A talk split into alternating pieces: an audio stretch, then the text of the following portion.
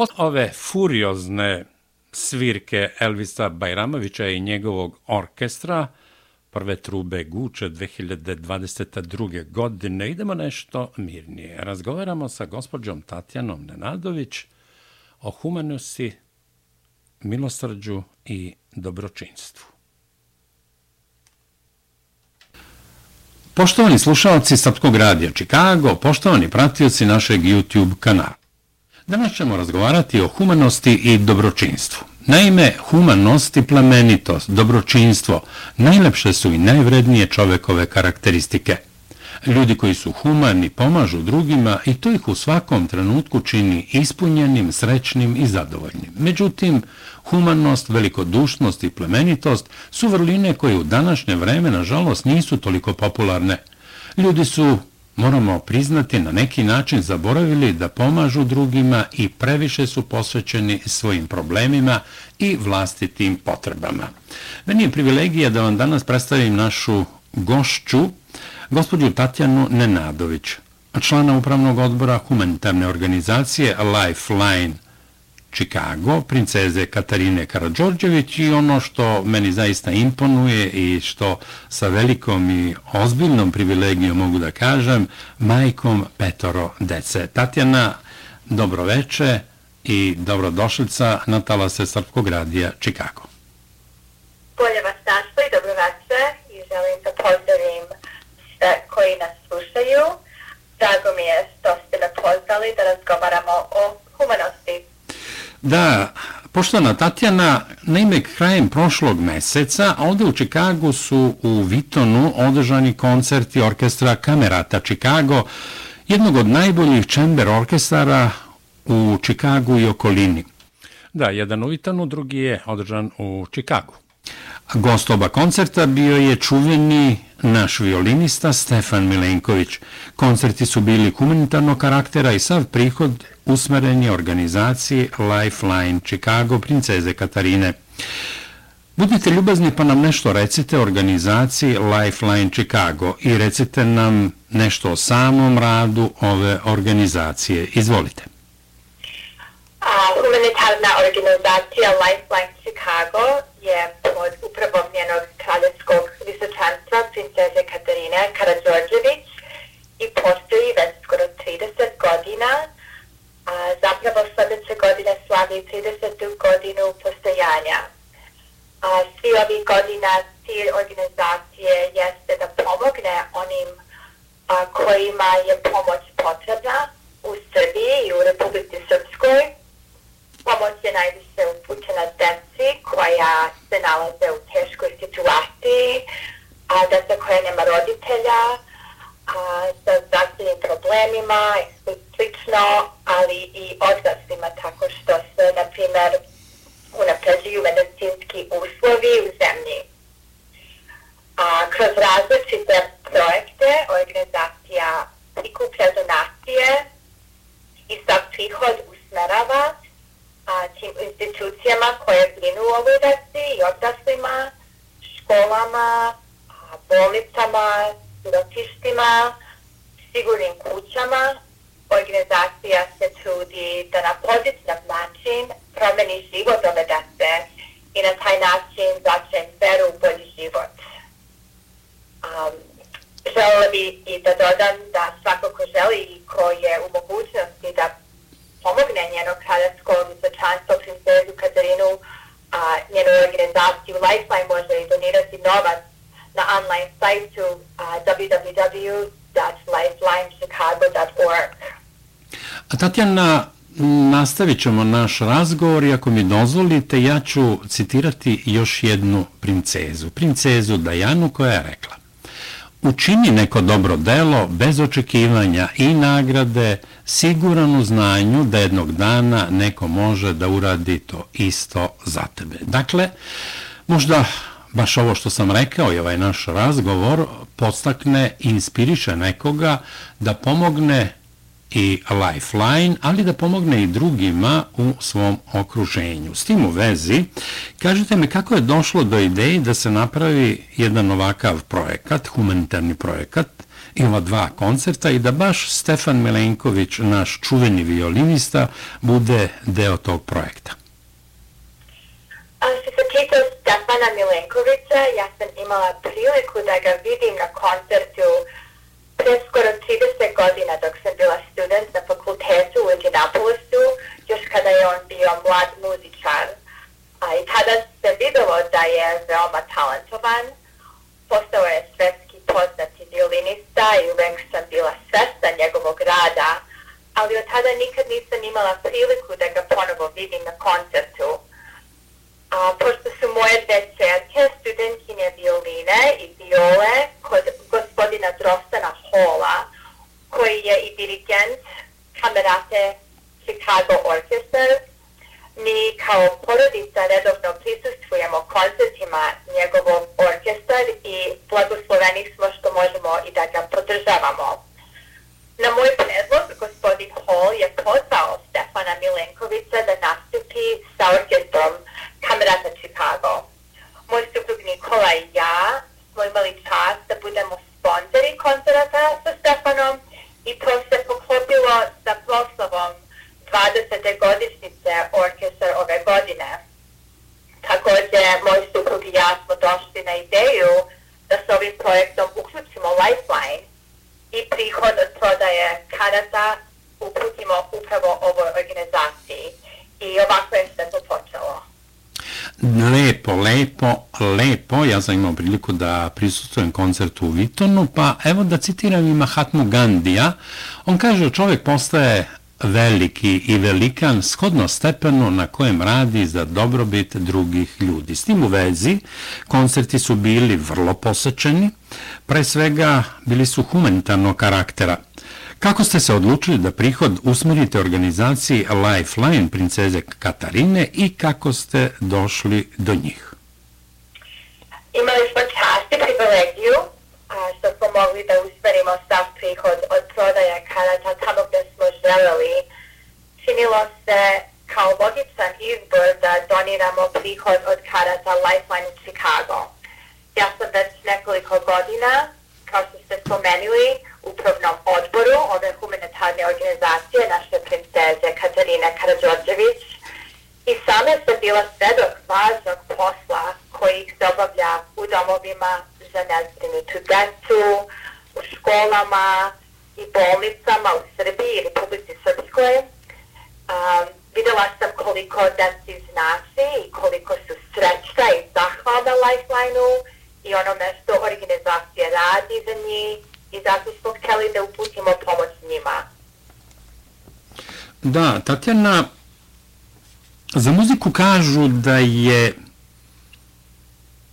u mogućnosti da spira za duše prašinu svakodnevnice, a Konfučije je govorio Istinski velika muzika ima ista načela harmonije kao i svemir. Dakle, kažite mi kakvi su vaši utisci o koncertima, o posjećenosti koncertima i da li ste zadovoljni kako je sve prošlo organizaciono, ali i o utisima posetilaca. Izvolite. A, ima da se nekoliko nedelja od kad su koncerti održani i kad pomislim na koncerte danas i ono što sam ja i doživjela i mogla da primetim, bili su mnogo uspešni. U prvoj polovini koncerta orkestar je svirao muziku iz opere Zebinski Berberin, kao i Beethovenovu šestu simfoniju. Stefan je nastupio u drugom delu koncerta i sa violinskim koncertom Čajkovskog potpuno nas preneo u drugu dimenziju. Publika je bila zadivljena njegovim nastupom, svi su bili oduševljeni. Da. Bila nam je čast što su u publici bili njihova kraljevska visočanstva, presto naslednik princ Aleksandar i princeza Katarina. Bili su na oba koncerta u Chicagu i u Vitonu i to je dalo događaju zaista posebnu dinamiku. Pošto su bili tu sa nama i sa prihod doniran Lifeline-u, na neki način a, ova manifestacija je bila i slavlja rada Lifeline-a. Njihova kraljevska visočanstva su pre svakog koncerta imali i priliku da se obrate publici i kažu ponešto o Lifeline-u.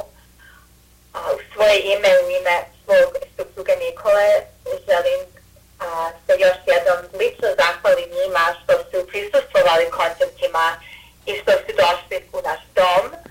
A, bila je velika čast za celu našu porodicu da smo ih imali kao goste na privatnom post-koncertnom prijemu a, koji smo održali u subotu uveče posle koncerta.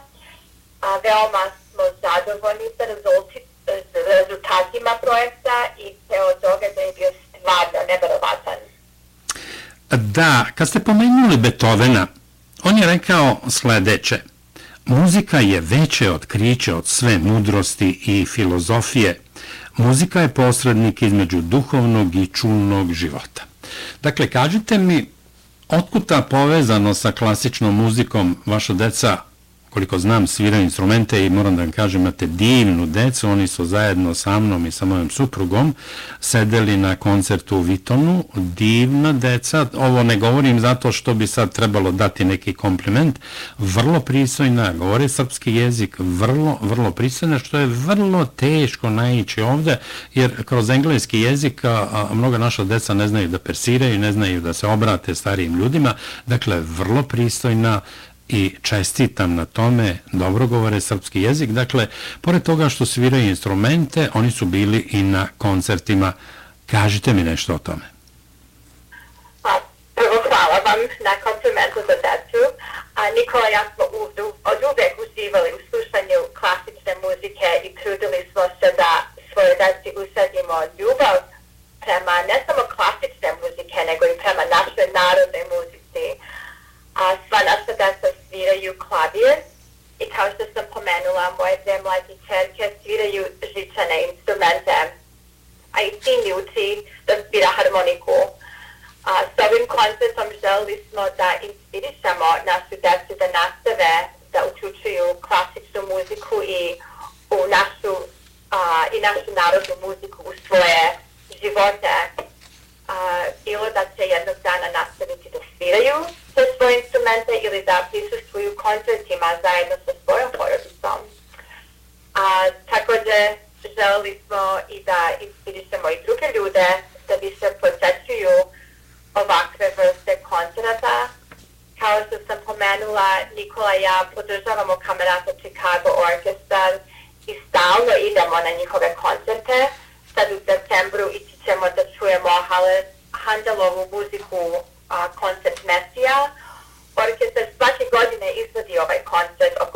oko Božića i zaista uživamo da prisutujemo nastupu sa svojom porodicom. Zaista je prelepo muzičko delo.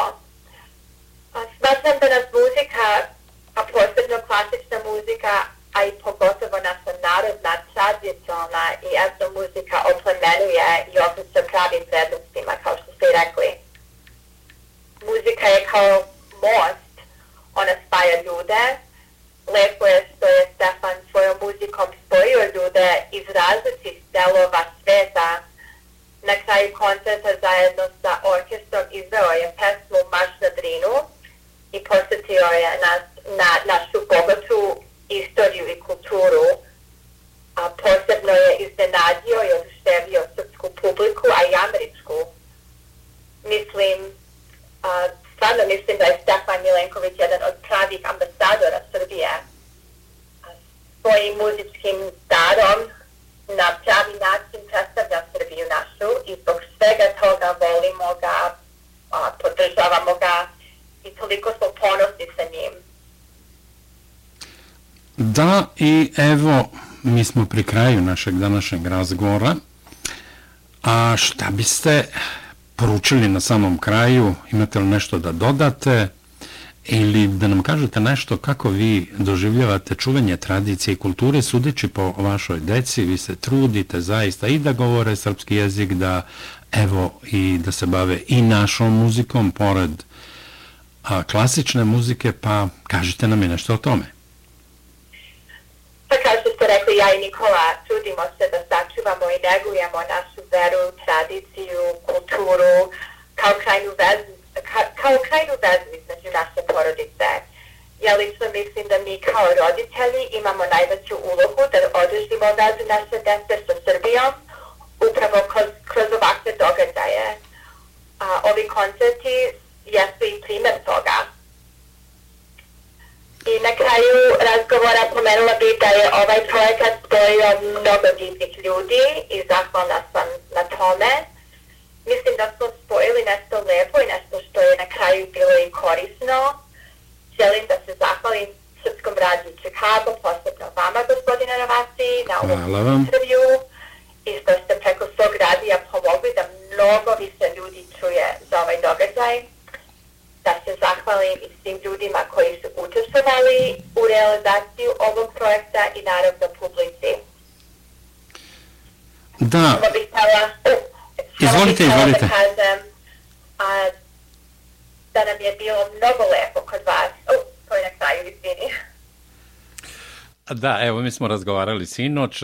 Prvo sam ja imao mali problem sa grlom, vrlo me grlo, pa smo dva, tri puta pokušavali da uđemo u, u razgovor. Uh, A onda i na samom kraju, gospođa Tatjana mi kaže, jao, jao, jao, ja sam nešto zaboravila. Kako ćemo sad? Hoćemo li sve ponovo? Ne, ne, ne, ne, nećemo sve ponovo. Mene je bolilo grlo, pa smo ponjavljali, kao što rekoh na početku, da neki mali ulaz i najavu današnjeg razgovora, odnosno sinoćnjeg razgovora, pa smo, evo, rešili i to što smo pod navodnicima zaboravili. Evo da čujemo šta smo to zaboravili, i šta je gospođa Nenadović htela na kraju da kaže još. I kao što rekoh, pri kraju smo našeg današnjeg razgovora s tim u vezi, pomenuli ste Tatjana tradiciju. Dakle, tradicija je tu da nas vraća nečemu što su naši koreni, geni, naša posebnost. Kada je u pitanju dobročinstvo, dobrota, plemenitost, humanost, Bertolt Brecht, nemački pisac, je govorio nemojte se truditi da samo vi budete dobri, već da i svet što ga iza sebe ostavljate postane dobar. I na samom kraju, imate li neku poruku, imate šta da kažete, još izvolite? A, za kraj razgovara našeg pomenula bi da je ovaj projekat spojio mnogo divnih ljudi i zahvalna sam na tome. Mislim da smo stvarno spojili nešto što je i lepo bilo i nešto što je na kraju bilo i korisno. Želim da se zahvalim Srpskom radiju Chicago, posebno vama, gospodine Ravasi, na ovom intervjuu i što ste preko svog radija pomogli da mnogo više ljudi čuje za ovaj događaj. Da se zahvalim svim ljudima koji su učestvovali u realizaciji ovog projekta i naravno publici. Da, meni je bilo zadovoljstvo što ste sa a, vašim suprugom Nikolom bili gosti na proslavi 28. godišnjice Srpkog radija Čikago u prošlu subotu u sali manastira Nova Gračanica. Hvala vam što ste nas pozvali. A, bilo nam je mnogo lepo kod vas sad u subotu na vašu godišnju, godišnju zabavu. A, muzika je bila mnogo lepa i družili smo se sa a, drugim vašim gostima. Imali smo priliku da se vidimo sa vašim suprugom i da se upoznamo sa mnogo divnim ljudima koji su isto bili tu. Još jedan put želim vama srećnu godišnicu vašeg radio programa, Srpski radio Čekado, da nastavite sa radom, sreći i dobrom zdravlju još dugo, dugo godina. Hvala vam puno. A hvala i vama i naravno na samom kraju ja moram vama da se zahvalim.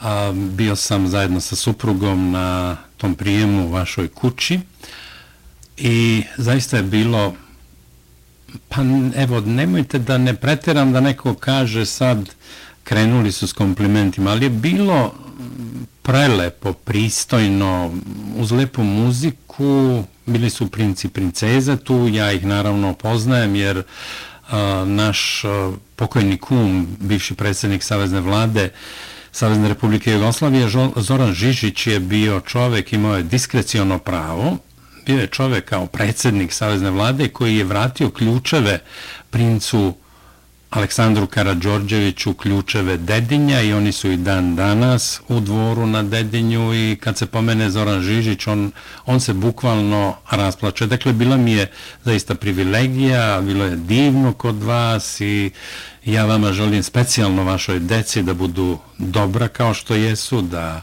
nastave sa školovanjem, a vama i suprugu od e, srca hvala, dobro zdravlje i naravno da se zajednički uključemo u još neke projekte u vezi sa Lifeline-om Chicago, princeze Katarine Karadžorđević.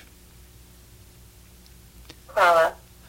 Da, evo i da zaključimo, poštovani slušalci, ovaj razgovor izrekom Edmonda de Amicisa, italijanskog književnika koji je rekao Radi dobrota su prve ljudske dužnosti, ali ne samo za dobrobit vaših porodica i vaših bližnjih, nego zato što su dobrota, dobročinstvo i humanost sredstva za postizanje sreće, ne samo nas, kao što rekoh, nego da kažemo pre svega sve naše dece i sve dece na planeti i svih dobrih ljudi.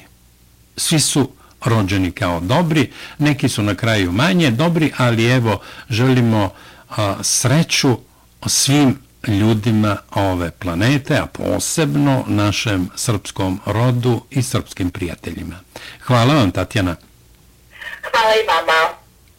Prijatno. E da, posle ovog prijatno, onda smo opet nešto zaboravili. Još jedan minut. I ja sam zaboravio i gospođa Nenadović, pa evo, ništa nije, ne mora biti to, ne znam, ekstra profesionalno. Nešto smo još zaboravili, pa da čujemo opet šta smo to, gospođa Nenadović i ja, zaboravili. Hvala vama i mnogo nam je drago što ste i vi bili i vaša supruga sa nama, zajedno sa odborom Lifeline i sa odborom kamerata Chicago Orkestar, i što su bili još nekoliko naših zajedničkih prijatelja, a naravno njihova kraljevska visočanstva prestola naslednik princ Aleksandar i princeza Katarina, koji su podrž i svima koji su podržali ovaj mnogo važan humanitarni projekat. Hvala da, vam. Hvala, hvala i vama, Tatjana, i da ne zaboravimo zajedno, Naše malo nekom znači mnogo. Poštovani slušalci, poštovani pratioci našeg YouTube kanala, naša današnja gošća bila je gospođa Tatjana Nenadović, član upravnog odbora humanitarne organizacije Lifeline Chicago, princeze Katarine Karadžorđević. Da, eto, čuli ste. Uz pomalo zaboravljanje, tu i tamo nešto nismo stigli da, da kažem, ali u svakom slučaju nadam se da je bilo lepo i vama. Govorili smo o humanosti, govorili smo o milosrđu i o dobročinstvu. Gošća Srpskog radija Čikago bila je gospođa Tatjana Nenadović, član upravnog odbora humanitarne organizacije Life Align, princeze Katarine Karadžorđević.